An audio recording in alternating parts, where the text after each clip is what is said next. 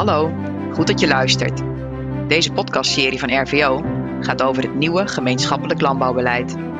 Waarom een podcast hierover? Het GLB verandert vanaf 2023. Dat ga je als boer of tuinder echt merken. Want toekomstbestendig boeren wordt straks sterker beloond. Dat is het idee. Ik ben Christel van Rij, host van deze podcastserie. Om meer te leren over het nieuwe GLB praat ik met beleidsmakers en met agrariërs over hoe je dit beleid kan inpassen in je bedrijf. In deze aflevering van de podcastserie over het nieuwe GLB staan de eco-activiteiten voor biodiversiteit, landschap, bodem, water en klimaat centraal. Hierover praat ik met melkveehouder Frank de Wit, deelnemer aan de gebiedspilot Vergroening Waterrijke Veenweidegebieden. En met Theo Hogendoorn, vanuit het Flevolands Agrarisch Collectief, coördinator van de GLB-pilot Akkerbelt. Dit is het tweede deel van ons gesprek, waarbij we ingaan op de uitvoerbaarheid van maatregelen en de werking van het puntensysteem in de praktijk. Deel 1 van dit gesprek kun je terugluisteren op www.rvo.nl/slash nieuwglb. Frank, in deel 1 van deze podcast heb je al meerdere voorbeelden van eco-activiteiten genoemd. Zijn er dingen die je collega's nu kunnen gaan doen als voorbereiding op het nieuwe GLB? Ja, ik denk dat als je nu gaat vragen van ga dit alvast maar doen, want dan kan je helpen straks in het nieuwe GLB. Dat vind ik ingewikkeld. Want dan krijg je ook wel weer een afschrikkend effect als ik dat tegen boeren ga vertellen. Zo van nou, dit komt er toch aan, dus begin vast maar. Want we weten ook nog niet precies hoe het eruit gaat zien. Dus dat vind ik ingewikkeld. Wat ik wel zag bij de maatregelen, is dat er al meer overlap komt bij, uh, bij de marktpartijen. Als ik dan bijvoorbeeld kijk naar dingen die uit de kringloopwijzer haal, ja, die moet ik voor mijn zuivelbedrijf ook al invullen. Dus zo zie je al dat de biodiversiteitsmonitor, zeg maar, die dan geïntroduceerd wordt, daar zitten ook al dingen in. Dus dat is wel aan de ene kant wel prettig dat uh, van die kant af eenzelfde soort maatregel. Ik denk ook dat daarna gekeken moet worden dat dat een beetje gelijk optrekt met de maatregelen die vanuit de markt komen. Want anders wordt het helemaal al heel onduidelijk. En dan denk ik dat je dan ook sneller begrijpt. Dat als bijvoorbeeld de zuivel zegt van ja, dit stimuleren wij ook in onze duurzaamheidsprogramma's. Dan denk ik, hé, hey, en dit zit ook al in een GLB-pilot. Of dat, ja, dat, dat, dat raakt elkaar dan gaat het makkelijker.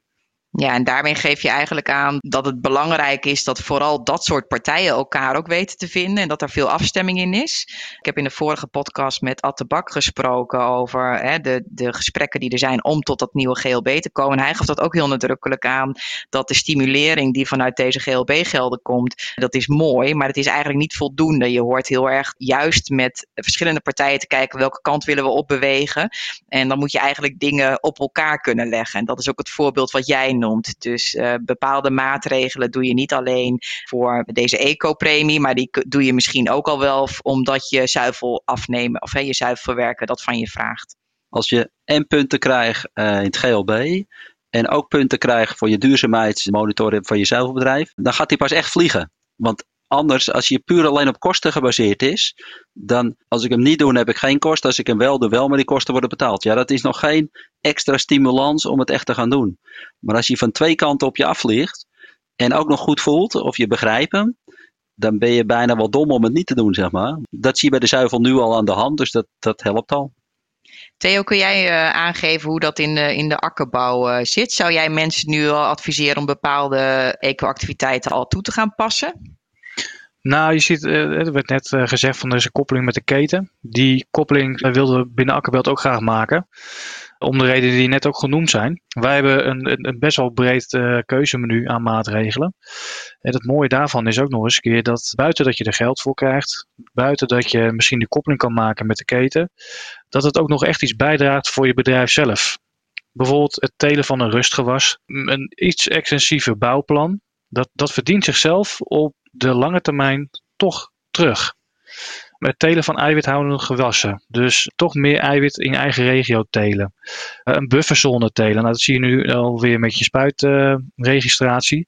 Waarbij je toch een grotere bufferzone, uh, spuitvrije zone moet hanteren dan voorheen. Nou, dat is ook opgenomen in dit puntensysteem. En daardoor zie je toch een stukje herkenning. En mensen gaan toch even nadenken over van... hé, hey, vroeger hoefde ik eigenlijk alleen maar vanggewas neer te zetten. Nu staat er een uh, stukje vroeg oogsten in bijvoorbeeld. Waarom is dat? Nou, puur alleen om je bodem gezond te houden, ook voor de lange termijn. En gewoon een duurzame teelt te hebben.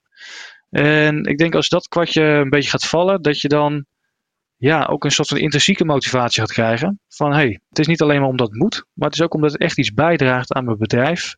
En het geheel toch een stukje duurzamer maakt over de lange termijn. Wat kunnen ze nu doen? Ja, ze kunnen nu gewoon goed de website in de gaten houden. Kijken wat de nieuwste ontwikkelingen zijn. Kijken naar waar het toch een beetje naartoe gaat. En daar toch eens over gaan nadenken. Van joh, kan ik dat implementeren op een bedrijf? Als het zo is, zou ik dat dan willen? Waar ga ik het dan doen? En ik denk dat dat al heel belangrijk is. Dat het toch al een beetje voorgemasseerd wordt haast. Omdat als je dit maatregelenpakket in één keer gaat neerleggen op het bedrijf. Het een hele hoop is wat je dan moet gaan verstouwen. Dus in de komende tijd, we hebben nog tot 23 moeten gewoon uh, lekker veel informatie naar de sector uh, toe druppelen. Om, om, om toch een beetje voorbereid te worden. En er zo over, na te gaan denken van ja, wat zou ik dan gaan, gaan, gaan doen in het nieuwe GLB. En het is wel zo, hè, jij zei we hebben nu 15, eh, een pakket van 15 maatregelen. Maar als ik het goed begrijp, hè, jullie zitten nog in die pilotfase. Dat, dat geldt ook voor een aantal andere pilots. De maatregelen zijn, of hè, de, de eco-activiteiten zoals het dan heet, die zijn nog niet definitief, of wel? Die kunnen nog veranderen ook. Nee, zeker. Daar, uh, daar wordt nu op dit moment naar gekeken. Wij hebben dus die 15 maatregelen echt in de pilot uitgetest. Er wordt nu natuurlijk wel gekeken van, joh, wat kunnen we dan in het nieuwe GLB in 2023 gaan doen? En dat is nog lang niet uitgegeten, dat kan ik wel zeggen. Uh, wat wij binnen Akkerbelt hebben gedaan, zijn echt alleen maar maatregelen die op akkerbouw gericht zijn. Uh, Frank heeft dan weer wat veehouderijmaatregelen. En je zou misschien ook kunnen kijken naar hoe kunnen we dan die verbinding nog weer leggen tussen akkerbouw en veehouderij. En wat voor maatregelen moet je daar dan weer aan koppelen. Dus dat is nog wel een, een lange weg, denk ik, te gaan. Ik denk dat de grote lijnen er zeker al zijn. Maar het definitieve pakket van maatregelen, dat is echt allemaal nog in de ontwikkeling. Zit nog in de denkfase. Ik denk ook dat daar nog wel winst te behalen is. Als je kijkt naar uh, echte duurzame kringlooplandbouw, dan mis ik nog heel veel de verbinding ook tussen de sectoren. En het zou mooi zijn, dat bedenk ik me nu, als daar ook een verbinding voor komt. Want dat zie ik nu ook in mijn maatregelenpakket. En het is ook, zit ook in de derogatie opgesloten, dat ik niet te veel land mag scheuren. En aan de ene kant moet ik mijn eigen eiwit en mijn eigen krachtvoegen telen. Maar aan de andere kant mag ik mijn land niet om, omdraaien. En ja, die knoop, zeg maar, die zouden we eigenlijk ook meteen moeten kunnen ontrafelen. Want dan is er nog weer veel meer mogelijk.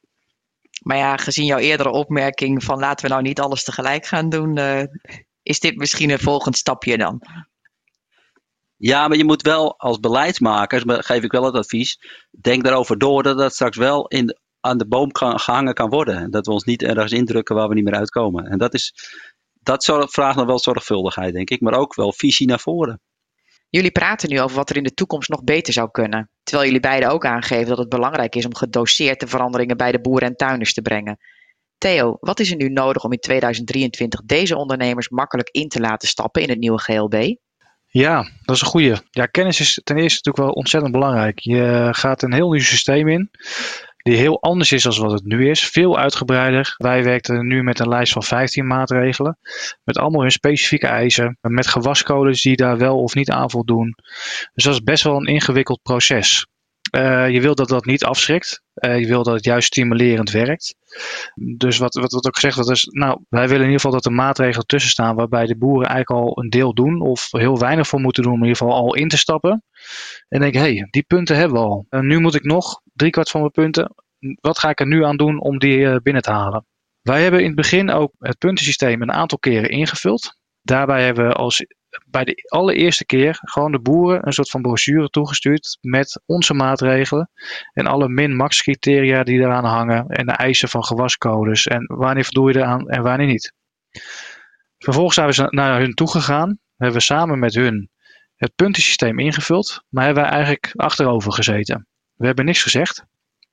We hebben gewoon gezegd, dit is een soort van gecombineerde opgave editie. Jij moet het nu zelf gaan doen. Ik denk dat driekwart van de boeren daarbij echt wel fouten maakten. Die interpreteerden bepaalde maatregelen of eisen toch even anders dan dat wij ze hadden bedacht. Dus dat geeft eigenlijk al aan dat gewoon ondersteuning in dit proces wel belangrijk is. Tegelijkertijd wil je natuurlijk wel dat dit systeem niet te ingewikkeld gaat worden en dat je het eigenlijk zelf nog kan doen. Het moet niet zo zijn dat je hiermee altijd naar je boekhouder moet gaan en moet betalen om uh, je vergroeningspremie maar te kunnen verzilveren. Dus kennis, kennisoverdracht is gewoon ontzettend belangrijk. En die kennisoverdracht die kan op verschillende manieren gebeuren, denk ik. Wat je nu vaak ziet is natuurlijk ook hè, dat je vaak informatieavonden hebt, of had dan vroeger, laat het zo maar zeggen, waarbij je geïnformeerd werd over uh, nieuwe wet en regelgeving. Nou, dat zou hier ook kunnen. Je zou er ook aan kunnen denken dat bijvoorbeeld de collectieven nog een rol gaan spelen. Wij merkten dat bij onze deelnemers een heel groot gedeelte daarvan zei van joh, de collectieven die mogen hier zeker een rol in spelen. Die vertrouwen we hierin. Hè. Die zitten tussen boer en natuur eigenlijk een beetje in. En dat hangt hier tegenaan. Dus uh, we, hebben er vertrouwen in dat hun, hun ons hierin kunnen ondersteunen. En ja, ik denk ook dat het heel belangrijk is dat een aantal boeren hier gewoon mee aan de gang gaan. Het gaan testen het uit gaan dragen ook. En dat we een aantal boerderijen eigenlijk in heel Nederland gewoon als soort van showlocatie gaan uh, gebruiken. Waarbij ook gewoon grote groepen met boeren langs kunnen komen om ja, in levende lijven eigenlijk te zien. In de praktijk. Vaak hoor je dingen toch liever van een boer dan van een adviseur. Dan beklijft het wat beter, heb ik het idee. Dus aan de ene kant is zo'n informatieavond over er is wat nieuws en we gaan jullie nu vertellen of schetsen hoe het eruit gaat zien, is heel mooi. Maar aan de andere kant is het toch ook wel heel fijn om gewoon dat praktijkverhaal te horen en ook te zien. Absoluut, dat wordt veel beter opgenomen, denk ik. Waar wij er naar gekeken, wij hebben een, uh, een app ontwikkeld die ik op je telefoon kan zetten en dan kan je eigenlijk zelf de maatregelen invoeren. En dan kan je zelf kijken, hey, hoe kom ik nu uit? Daar moesten mensen heel erg aan wennen, maar dat is eigenlijk, als dat eenmaal werkt, is dat wel heel leuk. Want dan, uh, dan ga je zelf de maatregel aanvinken en dan komt eruit, hey, weet je wel, ik zit nu in zilver. Of ja, ik, uh, ik ben er nog niet, weet je wel, ik moet hier nog wat doen en daar nog wat doen. En zo ben je toch aan het zoeken dat je op een praktische en uh, ja, op een wat uitdagende manier, zeg maar, mensen proberen hun eigen keus te maken. Ja, ik vind zelf die brons, zilver en goudmethode ook ontzettend leuk. We hebben zelf ook uh, getest. Wat je natuurlijk hebt hè, in zo'n puntensysteem is dat, nou, stel je voor heel simpel, een boer moet 100 punten halen om uh, te verzilveren. Die gaat er natuurlijk ook naar rekenen. Van hoeveel moet ik er nou uiteindelijk echt voor doen om die, die ecopremie ook te kunnen binnenhalen in die zin lijkt het soms net een beetje op een soort van loonwerkovereenkomst, uh, zeg ik wel eens. waarbij je gewoon geld krijgt voor het uitvoeren van maatregelen. Maar dan wordt het dus aan de andere kant ook aan de tafel gewoon gerekend. Van wat kost het mij? Wat moet ik ervoor doen? En wij zagen ook wel dat boeren bijvoorbeeld 2 of 300 procent van hun totale puntenaantal moesten gaan scoren om op alle vlakken, op alle doelen, eigenlijk ook groen te scoren. Bijvoorbeeld op bodem of op biodiversiteit. En dan gaan ze toch wel rekenen. Stel voor dat de boer dus 100 punten moet halen. Dan wil je eigenlijk niet dat hij bij 101 punt eigenlijk al gaat stoppen. Je moet eigenlijk nog een extra stimulans hebben om nog extra maatregelen uit te kunnen gaan voeren op je bedrijf. En dan is zo'n brons, zilver en goud methode natuurlijk hartstikke mooi. Waarbij je gewoon ja, extra geld krijgt, een extra eh, waardering eigenlijk krijgt nog weer, om extra maatregelen uit te gaan voeren. En dat werkt wel stimulerend. Nu kan ik me wel voorstellen dat met de mensen die in de pilots deelnemen, hè, dat die dat echt zien, dat die dat ook snappen en ervaren. En zeker met zo'n appje, dan ga je dat wat, uh, wat uitproberen. Ja, toch in de gesprekken die ik ook heb over, uh, onder andere over deze podcast met, met boeren, ja, dan blijft toch een beetje de boventoon voeren van, ja, ik kreeg altijd gewoon mijn geld. Een beetje de schets die eh, Frank net ook gaf. En moest gewoon een aantal dingen aanvinken zoals ik die deed. Uh, klaar was ik. En nu moet ik in één keer van alles gaan doen. Voor heel veel mensen voelt het ook als ik moet allerlei dingen extra gaan doen. Ja, Frank, praat jij ook met collega melkveehouders die dus niet in die pilot zitten? Praat jij over dit onderwerp en wat voor reacties krijg je dan? Nou, de eerste reactie die ik kreeg van collega-boer is van... Uh, waarom heb jij slootkant niet meegemaakt met de eerste nee? Wat ben je allemaal aan het doen? Ben je het vergeten of is, uh, was je maaier stuk? En dan zeg je natuurlijk eerst heel onschuldig, ik doe met de pilot mee. Maar als je dan door over praat, dan ja, dit wordt misschien wel de toekomst. Dan zie je al wenkbrauwen wat omhoog gaan. Zo van, uh, oké, maar wat voor effect heeft het dan straks op mijn bedrijf? En dan zijn ze ook wel een beetje benieuwd hoe dat werkt. En dan heb je wel gelijk, hè? dat is ook precies wat Theo zei. Van, soms moet je dingen ook durven doen om te kijken wat er echt gebeurt. En ja, daar is gewoon niet iedereen geschikt voor. Of heeft daar de ruimte voor, hè? ook om dat te mogen en te kunnen. En daarom denk ik ook zeker wel dat er nog een hele slag te slaan is. Voordat je echt zo'n grote kerstboom die het nu kan worden. Om die in één keer midden op dat bedrijf te zetten. Want dan, ja, dan krijg je echt wel uh, een schrik-effect. Dus ik ben veel meer voor om gewoon een boom te planten midden op dat bedrijf. En dan voor lieverlee te laten groeien. Maar dat in ieder geval het raamwerk van die boom. Dus dat puntensysteem. En dat, dat opschalen en dat keuze, dat die dan als vaste baken blijft staan, zeg maar. Zeg je daarmee eigenlijk dat de stap van het huidige GLB naar het nieuwe met het compleet opgetuigde puntensysteem, dat het eigenlijk een te grote stap zal zijn voor veel melkveehouders?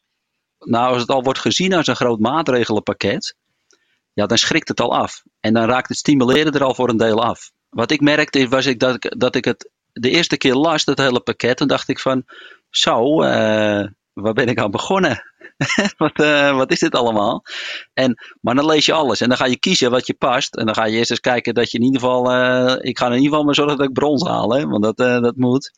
En dan denk je, nou ja, 80% deed ik eigenlijk al. Dus dat, dat is wel te doen. En als ik iets verder uit de sloot kan blijven en niet bemest, dan ga ik alweer hoger. En, en dan zie je dat die koudwatervrees al snel afneemt tot er zijn van, ja, dit is op zich wel praktisch invulbaar in mijn bedrijf. Mm En betekent dat dan ook dat op het moment dat je die keuze moet maken als ondernemer, dat je daar hulp bij nodig hebt? Dat uh, je adviseur bijvoorbeeld wel heel goed op de hoogte moet zijn van wat er kan? Of wat, wat is daar dan belangrijk in? Ja, ja.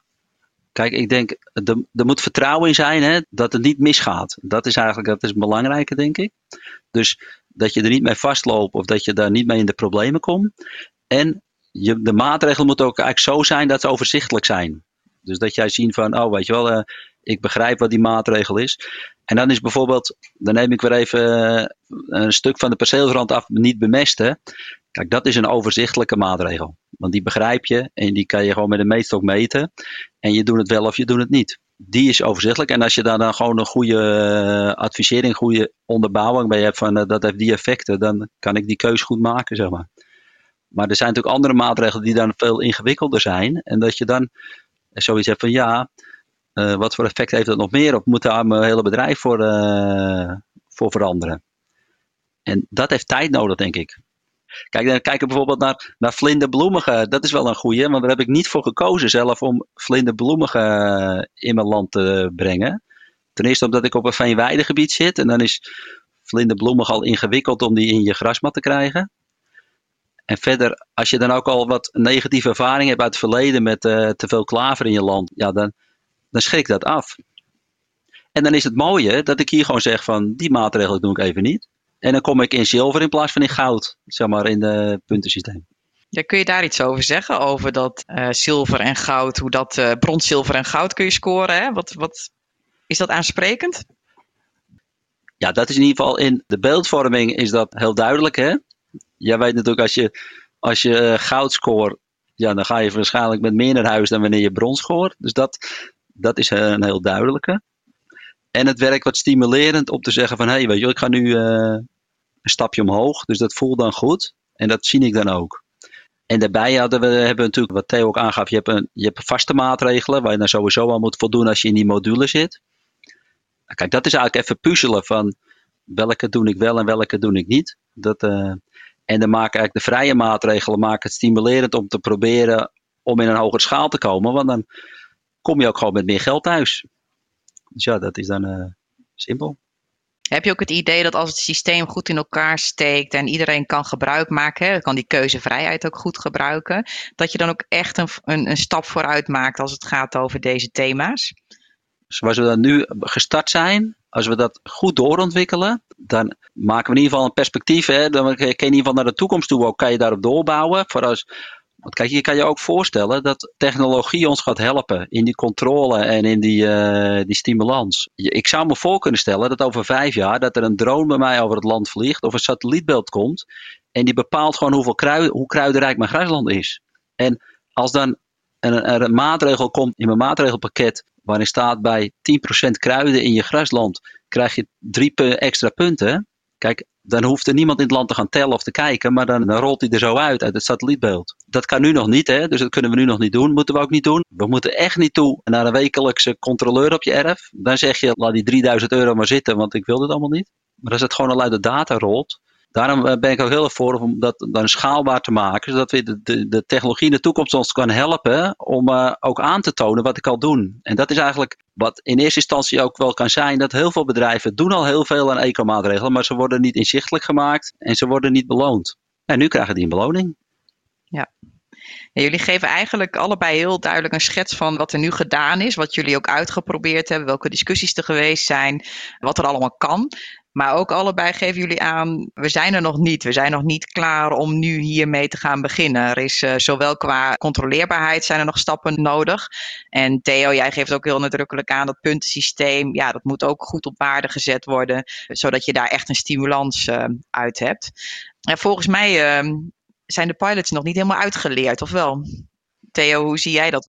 Bij ons niet in ieder geval. Nee, hè? Nee, nee zeker niet. Nee, wij hebben natuurlijk wel heel uh, hele hoop uh, opgehaald. We hebben uh, een beetje kunnen ruiken eigenlijk aan hoe zo'n puntensysteem zou kunnen werken. Maar we hebben daar nog wel een hoop vragen over. En zouden heel graag willen om, om, om de kans te krijgen om dat nog een keer verder uit te diepen eigenlijk. Frank zei het net ook al van, joh, het systeem moet gewoon werken. Dat is even belangrijk. Daarna kan je die kerstboom wel weer wat groter maken. En zo is het ook gewoon. Hè. We moeten een puntensysteem hebben die stimulerend werkt, die begrijpelijk is, die ook goed onderbouwd is. En dat puntensysteem, ja, die kan je dan vervolgens verder uitbreiden. Je kan bepaalde latten wat hoger gaan leggen eventueel. Dingen eraan toevoegen. Het mogelijk maken om op, op gebiedsniveau nog beter te kunnen reguleren. Wat doe je bijvoorbeeld met een bedrijf die land heeft in gebied A en land heeft in gebied B? Of op het ene perceel echt een zware klei heeft en ergens anders lichte zavel. Dan ga je bepaalde maatregelen op de ene grond wel kunnen doen en op de andere grond weer niet. En dat soort dingetjes, daar is nog wel een hoop in te winnen en een hoop in te onderzoeken. Wij vertrouwen er wel op dat het puntsysteem iets is wat kan gaan werken. En ook echt de toekomst is. Maar er moet er nog wel een en ander eventjes uh, onderzocht worden. Theo en Frank, jullie hebben allebei een uh, ja, toch wel redelijk kort een goede schets gegeven van de, van de eco-activiteiten. Als jullie nu als afsluiting terugkijken naar twee jaar deelnemen aan deze pilot. Ja, wat willen jullie dan eigenlijk nog meegeven? Theo, die vraag wil ik graag eens eerst even aan jou stellen. Nou ja, ten eerste wil ik gewoon uh, aangeven dat wij heel uh, nou, bijna dankbaar zijn dat wij dit uh, hebben mogen draaien de afgelopen twee jaar. We hebben echt gewoon een voorproefje kunnen, kunnen krijgen van joh, het nieuwe GLB, hoe gaan we dat dan zelf eigenlijk ja, doen? En het mooie daarvan is dat je gewoon heel erg in de praktijk eigenlijk gaat kijken van hoe gaan dingen landen. En dat is ontzettend belangrijk. Ook voor de toekomst. Blijf altijd gewoon lekker in die praktijk samen met de boeren, hand in hand eigenlijk haast, je beleid toetsen. En uh, leg het daar ook gewoon neer om te kijken van wat het dan ook gaat doen. En uh, ik denk dat wij hele waardevolle informatie hebben opgehaald. Soms hebben we dingen expres juist even verkeerd laten lopen om ook dat eens even te testen van joh, wat doet dat dan en hoe kan het dan beter? Maar dat is ontzettend waardevol om uh, straks over twee jaar het nieuwe beleid op een goede manier te laten implementeren. Helder, dankjewel. En Frank, wat is jouw uh, terugblik eigenlijk, je conclusie nu na twee jaar? Ja, als ik nu terugkijk naar uh, twee jaar pilot, dan, uh, dan begon ik eraan als een soort verantwoordelijkheid. Dat ik denk van ja, dit is iets zo belangrijks, daar wil ik wel bij zijn om te kijken of dat ook wel echt praktisch werkt. En toen ik de maatregelen las, dacht ik, wow, dit is best wel veelomvattend en klinkt wel ingewikkeld. En werkende voort kwam ik er eigenlijk achter dat, dat heel veel dingen ook wel heel goed te doen waren. En dat ik zo ook begreep op slot waarom het gedaan werd. En daarom denk ik ook, wil ik eigenlijk meegeven van, ja, ga hier wel mee door. Dit is echt een stimulerend puntensysteem wat, waar we ook verder kunnen bouwen. begin niet ingewikkeld, zodat we met z'n allen echt goed erin kunnen starten. Dat wil ik eigenlijk meegeven. En wat zou je je collega's melkveehouder meegeven als het hierover gaat, over het nieuwe GLB? Ja, en als ik naar mijn collega boeren kijk, dan geef ik aan van ja, kijk, dit is toch echt wel de toekomst waar we mee verder moeten. Want het kan niet zo zijn dat we in de toekomst gewoon betalingsrechten blijven ontvangen omdat we boer zijn. Dus er hoort een stukje verantwoording bij. En uh, laten we alsjeblieft met elkaar ervoor zorgen dat het ook juist de juiste maatregelen zijn die er genomen worden. Die we ook goed uit kunnen voeren en die ook recht toe doen op het bedrijf zelf. En verder is het gewoon aan de slag. Zoals altijd, gewoon praktisch aan het werk. Heel erg bedankt jullie allebei uh, voor jullie tijd en uh, voor de toelichting. En uh, bedankt, tot zover. In het gesprek van vandaag zijn een aantal eco-activiteiten voorbij gekomen. Wil jij als luisteraar hier meer over weten? Kijk dan op www.rvo.nl slash. In de volgende podcast praat ik met Aart Mulders, de bedenker van het puntensysteem. Van hem wil ik graag horen hoe de waardering van de individuele ecomaatregelen vertaald wordt naar de uiteindelijke ecopremie die jij als boer of tuinder kunt ontvangen. Heb je vragen of opmerkingen? Mail ons dan via het nieuwe glb lnv.nl of reageer via Twitter op RVO Agrarisch. Alle podcasts die we maken vind je op www.rvo.nl/nieuwglb. Voor nu, bedankt voor het luisteren.